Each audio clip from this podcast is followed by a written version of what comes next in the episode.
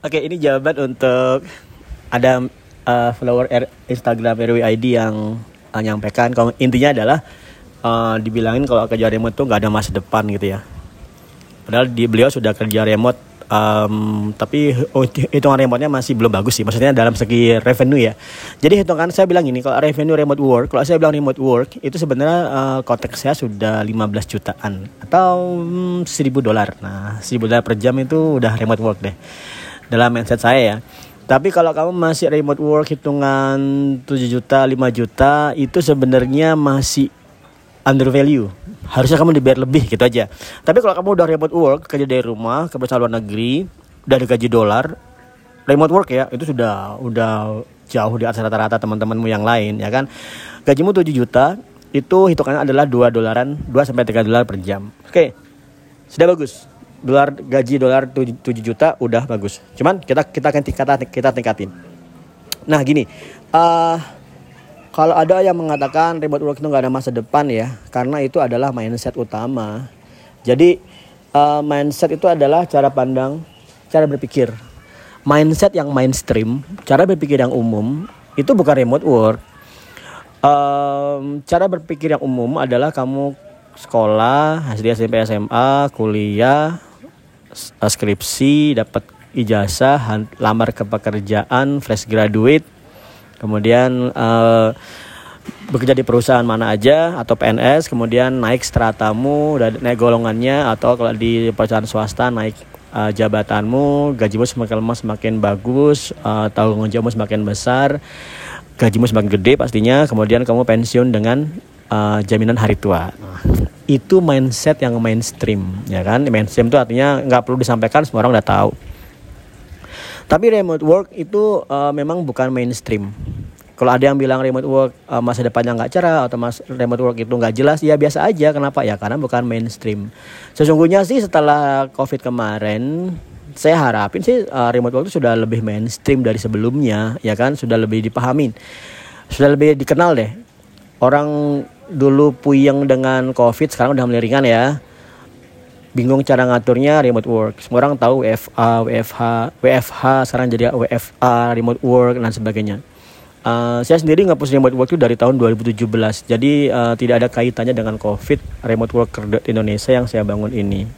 Nah yang saya sadari memang ngerubah mindset atau menyampaikan mindset remote work itu sangat-sangat tidak mudah Gimana cara mengubah mindsetnya?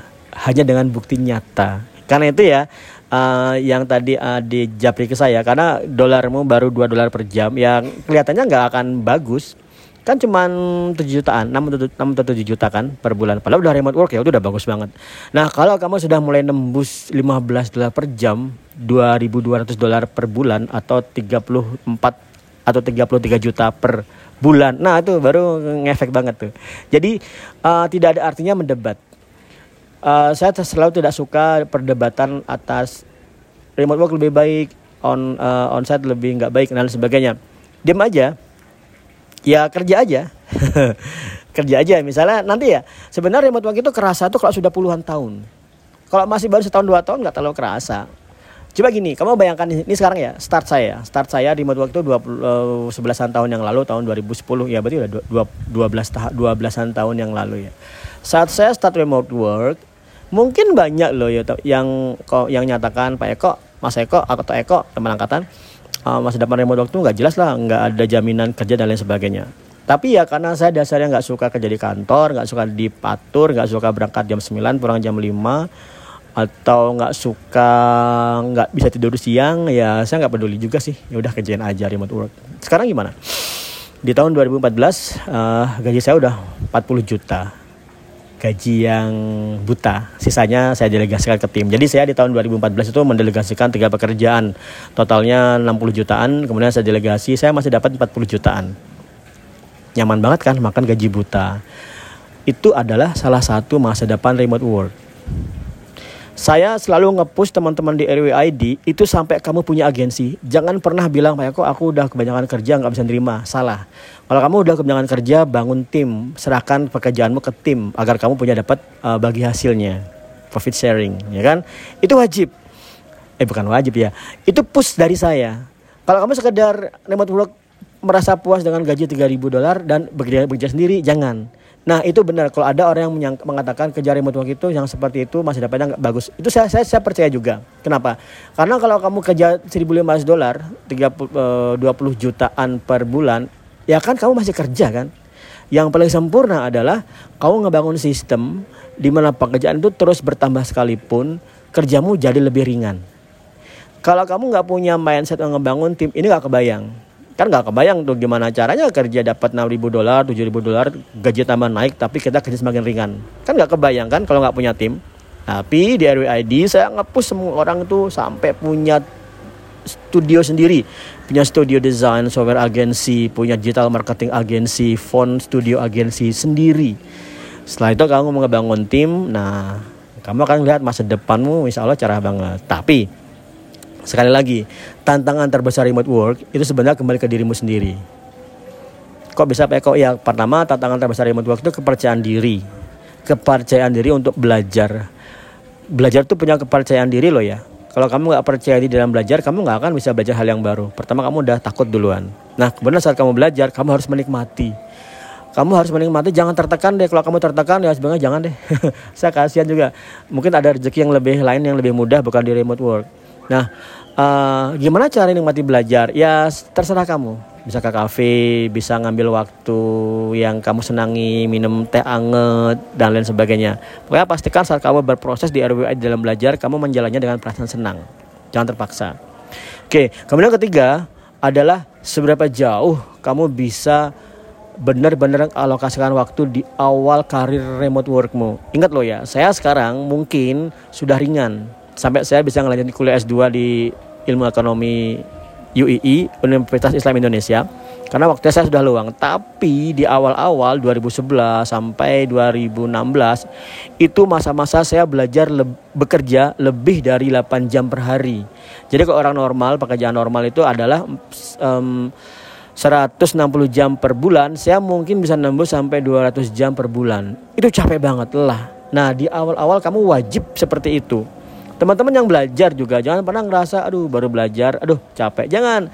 Saya belajar habis-habisan tapi dengan nikmat ya. Kalau kamu belajar nggak nikmat, tantangan pertama adalah nggak buat belajarmu nikmat. Itu dulu. Kalau kamu belajar nggak nikmat, aduh jangan deh. Malah tersiksa. Jadi kalau kamu pengen menempuh sesuatu, buat dulu sesuatu itu nyaman dan kamu senangi dulu. Kalau saat itu nggak nyaman dan nggak kamu senangin ya malah jadi menyiksa kan.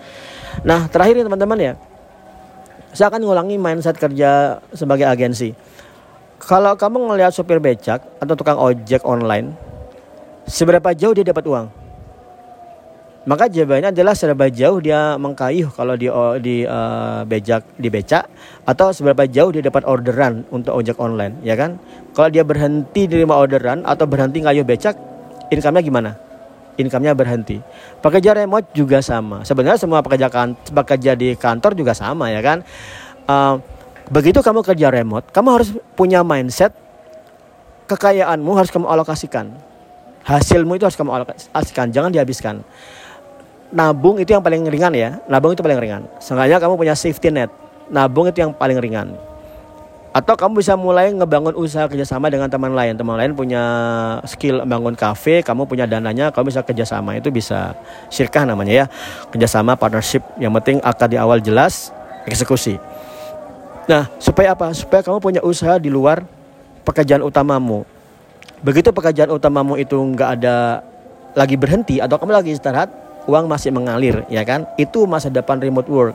Jangan pernah berpikir, ah aku sudah gaji 30 juta per bulan, gini terus aja. Jangan, jangan, jangan pernah atau minimal kalau kamu nggak kebayang ngebangun uh, usaha di luar remote workmu seperti yang saya sampaikan tadi bangun software agensi tetap cari job sebanyak-banyaknya kemudian bangun tim di atas remote work Indonesia hire uh, member RWID uang banyak banget dan kemudian kamu bagi hasil gaji ya kan? Setelah itu terjadi apa? Setelah itu terjadi maka kamu akan punya masa depan yang jauh lebih ringan jauh lebih ringan Uh, saya nggak beri contoh. Saya sendiri kan ngebangun RWID sebenarnya nggak punya mindset khusus sih. Maksudnya saya nggak punya ambisi untuk bangun startup besar dan lain sebagainya. Saya punya ambisi itu cuma ngebantu aja sebenarnya ngebantu orang nulis remote work. Tapi ngebantu kalau saya ngebantu gratisan itu saya akan susah. Kenapa? Karena effort saya dipakai. Waktu dan effort saya terpakai ya kan? Padahal waktu dan effort itu adalah mengurangi uh, mengurangi jumlah revenue saya di remote work. Sehingga saya menambahkan biaya akhirnya jadi startup secara profesional ya kan?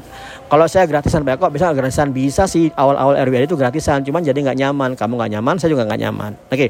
nah sekarang begitu saya ngebangun RWID awalnya itu berat banget. Tapi karena tujuan utama saya ngebantu saya jadi ringan. Lama-lama sekarang udah bagus sistem udah berjalan seluruh Indonesia soalnya bisa melihat hasilnya dan bisa menikmati manfaatnya amin ya. Setiap hari orang akan bertambah-tambah terus menambah remote work nah saya ingin kalian punya mindset yang sama. Konteksmu membangun software agensi masa depanmu itu adalah gini. Kalau kamu pengen kaya coba bantu juga orang lain kaya. Contoh nih kamu sudah nambah remote work pasti ada ponakanmu yang belum bisa apa-apa. Ajarin. Awal-awal kamu jangan gratisan loh ya. Jangan ngasih jangan memperkerjakan orang gratisan tapi juga jangan banyak-banyak. Kenapa? Agar mereka terpacu. Mungkin pertama kamu gaji dia 250 ribu. Kalau udah bisa naikin 500 satu setengah. Terus sampai naikin akhirnya sampai dia ngeberi manfaat finansial juga ke perusahaanmu akhirnya dia juga semakin tambah semakin ekspor ini wajib kamu bangun kenapa agar manfaat RWID ngebantu teman nembus remote work itu terbayar juga dengan kamu membantu orang lain menembus remote work kalau kamu tahu konsepnya namanya paid forward. Jadi bangun uh, benefit ke atas terus sampai ketemu orang-orang baru. Nah teman-teman, maaf kalau ngerembel dan agak cepat ya. Saya kadang kalau punya ide itu nggak bisa berhenti juga kalimat-kalimatnya. Nah uh, jadi kalau kalau ada yang bertanya masa depan remote remote work itu nggak ada, maka suruh aja ke remoteworker.id atau buka aja kurikulum VT saya. Kamu akan lihat masa depan remote work itu adalah salah saya sendiri atau remote worker Indonesia. RWID ini belum final ya. Kalau saya ngeliat masa depan RWID, mungkin sekarang baru let's say udah 15% dari yang saya bayangkan. Masih banyak sekali, masih kelipatan berapa kali lagi, 10 kali lagi atau 8 kali lagi untuk dia mencapai uh, visi besar saya untuk remote work remote work Indonesia bagi Indonesia. Tujuannya adalah satu aja. Kalau teman-teman di Indonesia, pemuda-pemudi di Indonesia sedang di kotanya masing-masing, jangan pernah berpikir untuk dapat belasan juta adalah dengan ke Jakarta atau jadi TKI TKW. Jangan. Tetap di kota kita masing-masing di Indonesia, tingkatin skill yang kamu ekspor ke luar negeri adalah skillmu, bukan badanmu. Oke, terima kasih. Semoga bermanfaat. Assalamualaikum warahmatullahi wabarakatuh.